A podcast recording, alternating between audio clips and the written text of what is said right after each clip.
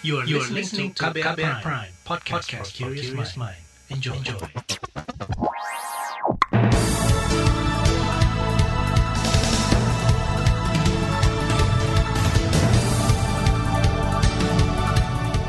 Selamat pagi saudara, senang sekali kami bisa menjumpai Anda kembali melalui program Buletin Pagi edisi Selasa 27 April 2021 bersama saya Malika. Sejumlah informasi pilihan telah kami siapkan di antaranya Jokowi perintahkan TNI Polri kejar kelompok kriminal bersenjata KKB di Papua. Pemerintah pastikan tak ada diskriminasi dalam pembuatan KTP L transgender. Ganjar Pranowo meminta pemerintah Kabupaten Purworejo berdialog dengan warga Wadas. Inilah Buletin Pagi selengkapnya. Terbaru di Buletin Pagi. Presiden Joko Widodo memerintahkan Panglima TNI dan Kapolri menangkap semua anggota kelompok kriminal bersenjata KKB di Papua. Perintah itu disampaikan Jokowi usai tewasnya Kepala Badan Intelijen Negara Daerah Kabinda Papua, I Gusti Putu Dani Karyanugraha. Saya juga telah memerintahkan kepada Panglima TNI dan Kapolri untuk terus mengejar dan menangkap seluruh anggota KKB. Saya tegaskan, tidak ada tempat untuk kelompok-kelompok kriminal bersenjata di tanah Papua maupun di seluruh pelosok tanah air. Itu tadi Presiden Joko Widodo. Sebelumnya Kabinda Papua Igusti Putu Dani Karyanugraha tewas saat kontak tembak dengan KKB di Kampung Dambet, Distrik Beoga, Kabupaten Puncak, minggu kemarin. Kontak tembak terjadi saat Satgas BIN dan Satgas TNI Polri melakukan patroli. Sebagai penghormatan terakhir, pemerintah memberi penghargaan kenaikan pangkat di atas Brigjen kepada Igusti Putu Dani Karyanugraha. Kepolisian akan menggencarkan pengejaran terhadap kelompok kriminal bersenjata di Papua. Namun menurut juru bicara Polri, Rusdi, belum akan ada penambahan personel di Papua untuk melakukan pengejaran. Kata Rusdi, pihaknya masih bisa mengandalkan operasi khusus yang sudah dilakukan TNI Polri. Sementara tidak, karena di sana selain kegiatan-kegiatan maupun operasi yang dilakukan oleh Polda Papua, khusus Polri, Polri juga menggelar operasi Nemangkawi 2021 operasi Nangkawi digelar itu gabungan personilnya yaitu personil dari Polri dan juga personil dari TNI. Sampai saat ini Polri belum menambah kekuatan. Juru bicara Polri, Rusdi Hartono mengatakan pihaknya meminta masyarakat tidak perlu khawatir dengan pergerakan yang dilakukan aparat keamanan. Rusdi menjamin keselamatan penduduk tetap menjadi hal yang utama. Komisi Nasional Hak Asasi Manusia Komnas HAM merespon perintah Presiden Jokowi untuk mengejar anggota kelompok kriminal bersenjata KKB sudah tepat.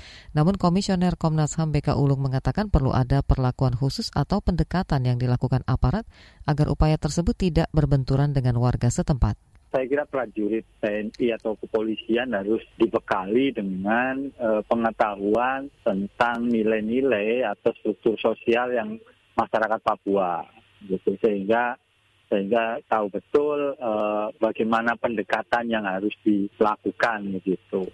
Komisioner Komnas HAM BK Ulung mengatakan pendekatan terhadap masyarakat harus tetap dilakukan agar upaya pengejaran bisa berjalan dengan cepat tanpa mengabaikan keselamatan warga dan persoalan HAM.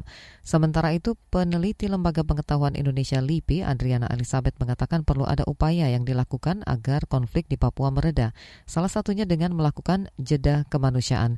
Kata Adriana, dalam kondisi yang sedang memanas seperti saat ini, dialog tidak bisa berjalan dengan baik, bahkan berpotensi membuat keadaan semakin panas. Dewan Adat Papua menilai instruksi Presiden Jokowi untuk menangkap pelaku penembakan kepala BIN Papua berpotensi menambah rentetan konflik di Papua jika dilakukan dengan penambahan pasukan. Ketua Dewan Adat Papua versi musyawarah luar biasa Dominikus Sorabut mengatakan penambahan kekuatan aparat berpotensi meningkatkan aksi kesewenang-wenangan. Jokowi sudah bunuh diri. Jadi bukan lagi menyelesaikan konflik, tapi justru nanti memelihara konflik. Dan kekhawatiran rakyat Papua ya pasti uh, perintah itu kan sudah melegitimasi, melegitimasi bahwa di Polri bisa melakukan apa saja di Papua dan untuk pasti kekerasan terhadap sipil itu akan dilakukan atas nama negara. Ketua Dewan Adat Papua versi musyawarah luar biasa Dominikus Sorabut menilai seharusnya Jokowi merundingkan perintahnya terlebih dahulu dengan berbagai pihak agar tidak disalahartikan. Dia menyebut instruksi Jokowi kepada TNI Polri merupakan keputusan yang emosional tanpa mempertimbangkan keselamatan warga. Saudara pemerintah pastikan tak ada diskriminasi dalam pembuatan KTP L transgender. Informasinya akan hadir usai jeda, tetaplah di Buletin Pagi KBR. You're listening to KBR Pride, podcast for curious mind. Enjoy!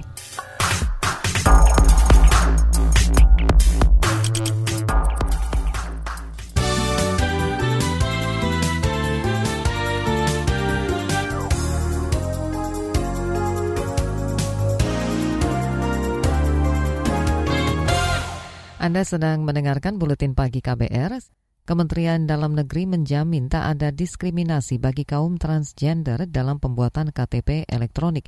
Dirjen Kependudukan dan Pencatatan Sipil Kemendagri Zudan Arif Fakrullah menyebut sudah menunjuk pejabat pelaksana yang akan membantu mengkoordinasikan transgender mengurus dokumen kependudukannya.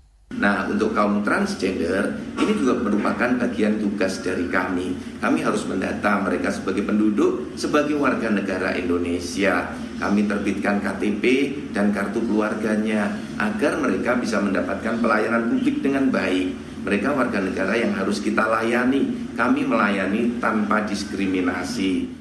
Dirjen Kependudukan dan Pencatatan Sipil Kemendagri Zudan Arif juga mengatakan dengan KTP elektronik diharapkan transgender mendapatkan fasilitas kesehatan seperti BPJS dengan mudah.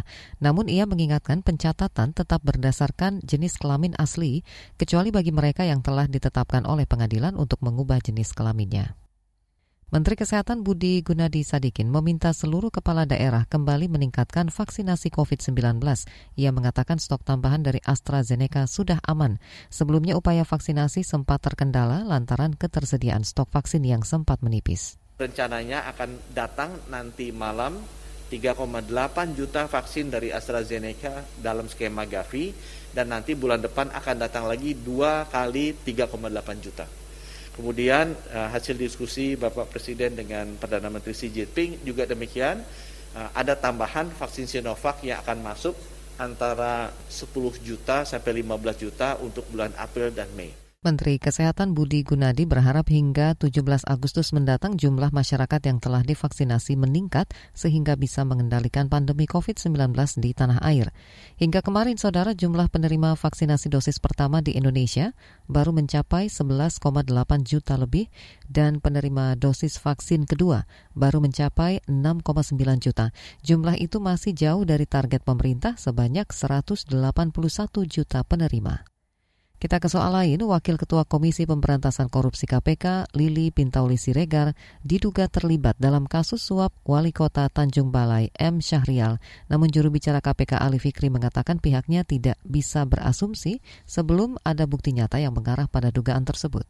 Oleh karena itu, informasi yang kami terima ini dipastikan akan dikonfirmasi kepada para saksi-saksi yang akan kami panggil dan periksa oleh tim penyidik uh, tim penyidik KPK. Termasuk informasi ini juga akan kami konfirmasi terhadap para tersangka. Oleh karena itu perkembangannya tentu nanti akan kami informasikan lebih lanjut. Itu tadi juru bicara KPK Ali Fikri. Sementara itu Koordinator Masyarakat Anti Korupsi Indonesia Maki Boyamin Saiman menyebut salah satu pimpinan Komisi Pemberantasan Korupsi yakni Lili Pintauli Siregar sempat dihubungi oleh Wali Kota Tanjung Balai M Syahrial. Namun ia tidak mengetahui lebih lanjut apakah kemudian keduanya menjalin komunikasi intens atau tidak. Ia mengatakan seharusnya sikap yang diambil Lili saat menerima kontak dari Syahrial adalah memblokirnya untuk menghindari kontak dengan orang-orang yang berperkara. Kita ke informasi ekonomi, Menteri Koordinator Bidang Perekonomian Erlangga Hartanto mengatakan dibanding Amerika, Brazil, dan Jerman, Indonesia merupakan negara penghasil biodiesel terbesar di dunia. Maka dari itu, Indonesia bisa menjadi salah satu negara yang diperhitungkan dalam pasar bioenergi dunia.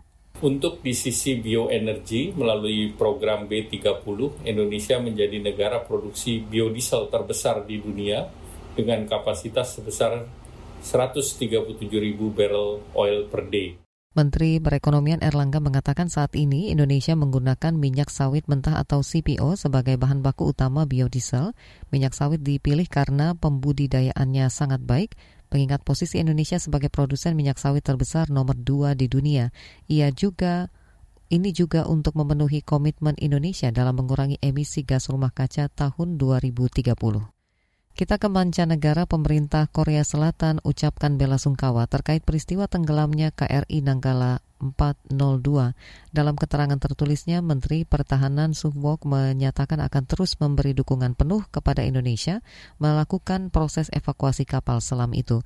Duka cita juga disampaikan melalui akun Facebook resmi milik Korea Selatan. Selain Korsel, Perdana Menteri dan Raja Malaysia juga menyampaikan duka cita terhadap gugurnya 53 awak kapal Nanggala. Mereka mengatakan siap untuk terus mengulurkan bantuan dalam proses evakuasi kapal tersebut. Kita ke informasi olahraga, sebanyak 34 pemain tim nasional Indonesia dipanggil untuk mengikuti pelatihan pemusatan pada 1 Mei mendatang. Menurut Ketua Umum PSSI Muhammad Iriawan dalam rilis resmi mengatakan Pemusatan latihan atau TC ini dilakukan sebagai persiapan menghadapi tiga pertandingan kualifikasi Piala Dunia 2022 Grup G di Uni Emirat Arab. Maka dari itu pelatih Shin Tae-yong memanggil 34 nama pemain untuk mengikuti TC. AFC sebelumnya telah memilih UEA sebagai lokasi sentralisasi lanjutan kualifikasi Piala Dunia untuk Grup G. Indonesia akan melawan Thailand pada 3 Juni, lalu Vietnam pada 7 Juni dan terakhir Uni Emirat Arab pada 11 Juni. Laporan khas KBR bertajuk Indonesia terlambat cegah masuknya WN India akan kami hadirkan sesaat lagi, tetaplah di Buletin Pagi KBR. You're listening to KBR Pride, podcast for curious mind. Enjoy!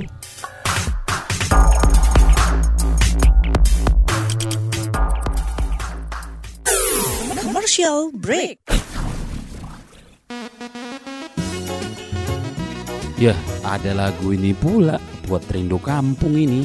Ah, nelfon mama ah. Apa kabar dia nih ya? Eh, Tigor, lagi di mana kau? Di kosan, Mak. Mama apa kabar? Kuliahmu udah libur kan? Pulanglah kau nak, di kampung aja. Nanti kau keluar-keluar kena pula sakit si Corina itu. Eh, siapa namanya itu? Corona kan? Corona betul ya? Eh, ditanya kabar malah panjang mama ini jawab. Nggak boleh pulang, Mak. Kan pemerintah juga menganjurkan untuk tidak ke mana-mana, apalagi mudik atau pulang kampung. Kalau di jalan kena virusnya, terus bawa ke kampung gimana? Bandel kali kau. Di kampung mana ada corona? Mama sehat-sehat aja loh ini. Bukan begitu, Mak. Orang tua itu kan paling rentan nih kena virusnya. Jadi diam-diam aja di rumah ya, biar cepat selesai masalah corona ini. Bangga kali Mama sama kau Tigor. Gak salah Mama sekolahkan kau jauh-jauh ke Jakarta, Amang. Jadi tenang Mama di sini. Sehat-sehat ya anakku, Amang. Iya, Mak. Mama juga ya. Tetap aman di rumah bersama media lawan COVID-19.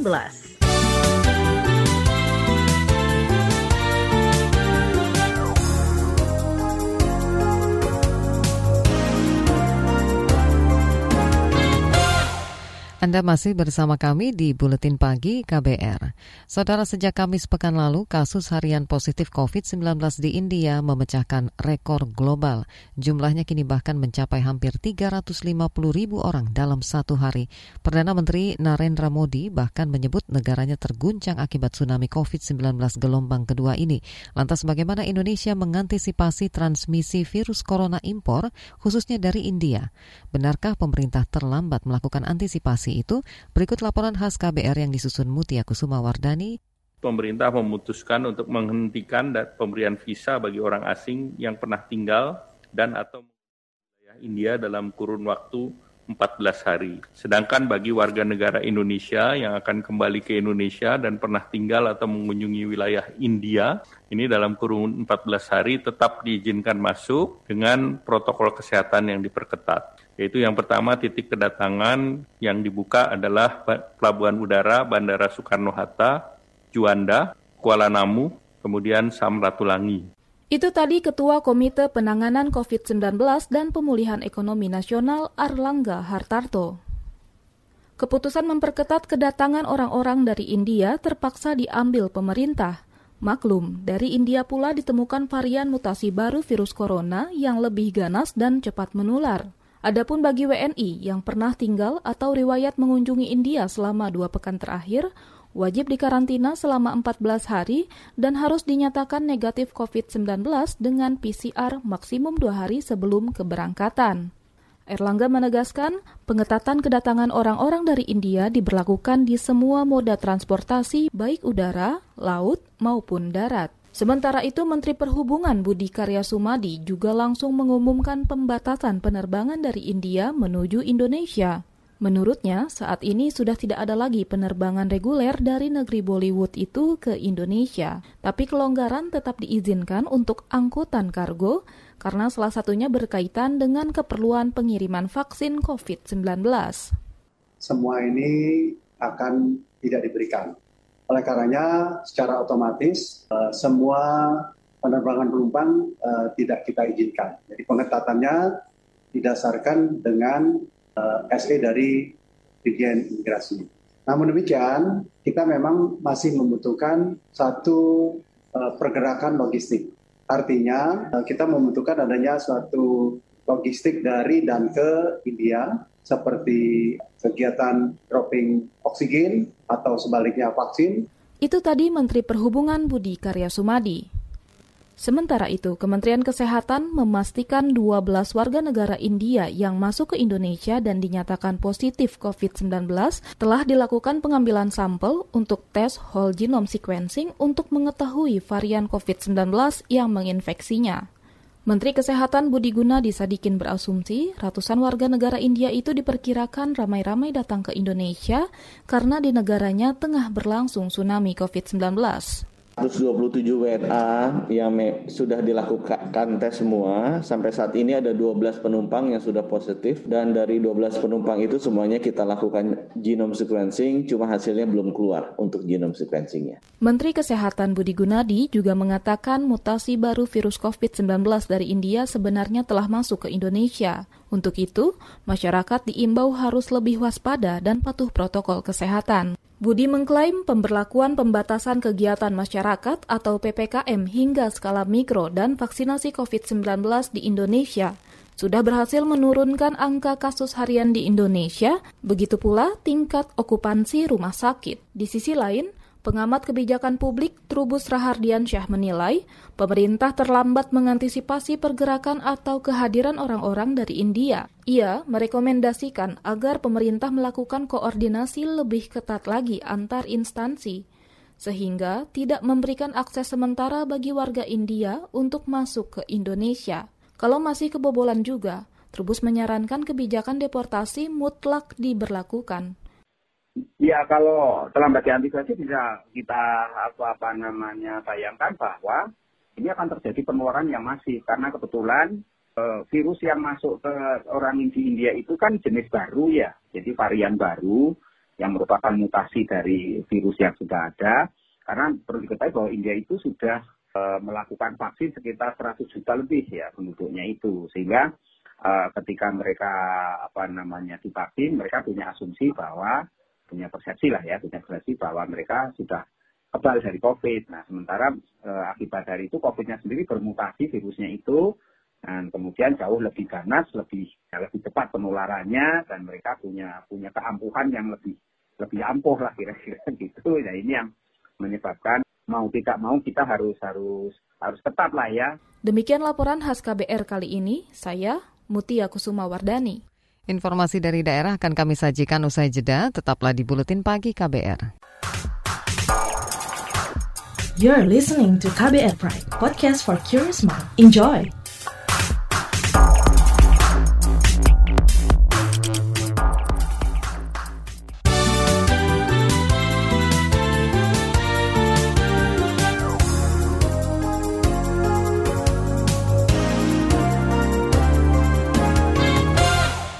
Inilah bagian akhir buletin pagi KBR.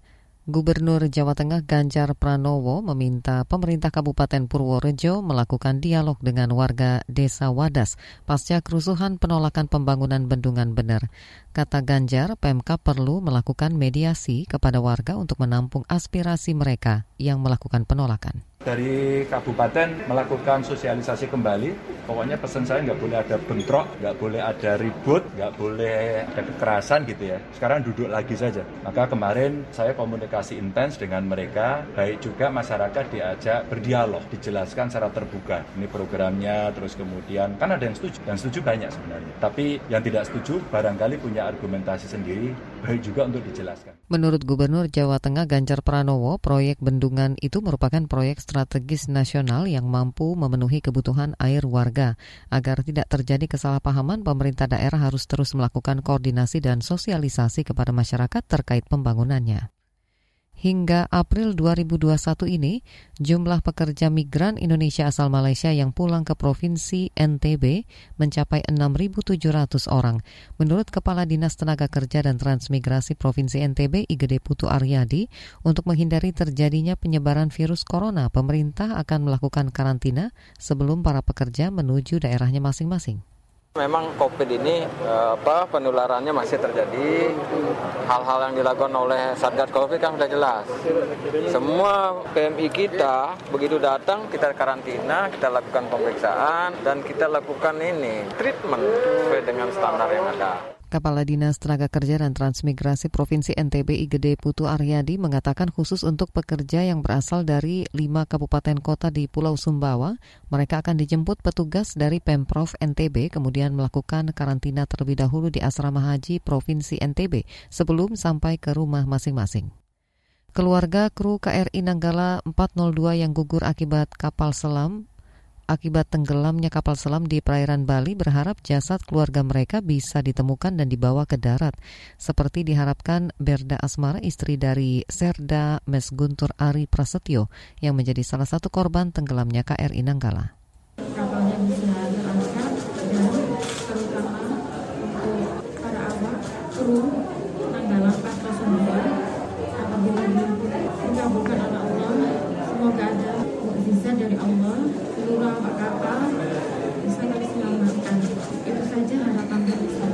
Itu tadi salah satu keluarga korban tenggelamnya KRI Nenggala.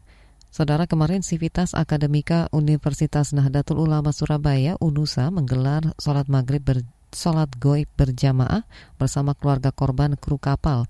Mereka mendoakan agar semua korban dapat beristirahat dengan tenang dan keluarga yang ditinggalkan mendapat ketabahan. Informasi tadi menutup jumpa kita di Buletin Pagi hari ini. Pantau juga informasi terbaru melalui kabar baru. Situs kbr.id, Twitter kami di akun @beritaKBR, serta podcast di alamat kbrprime.id. Akhirnya saya Malika bersama tim yang bertugas undur diri. Salam.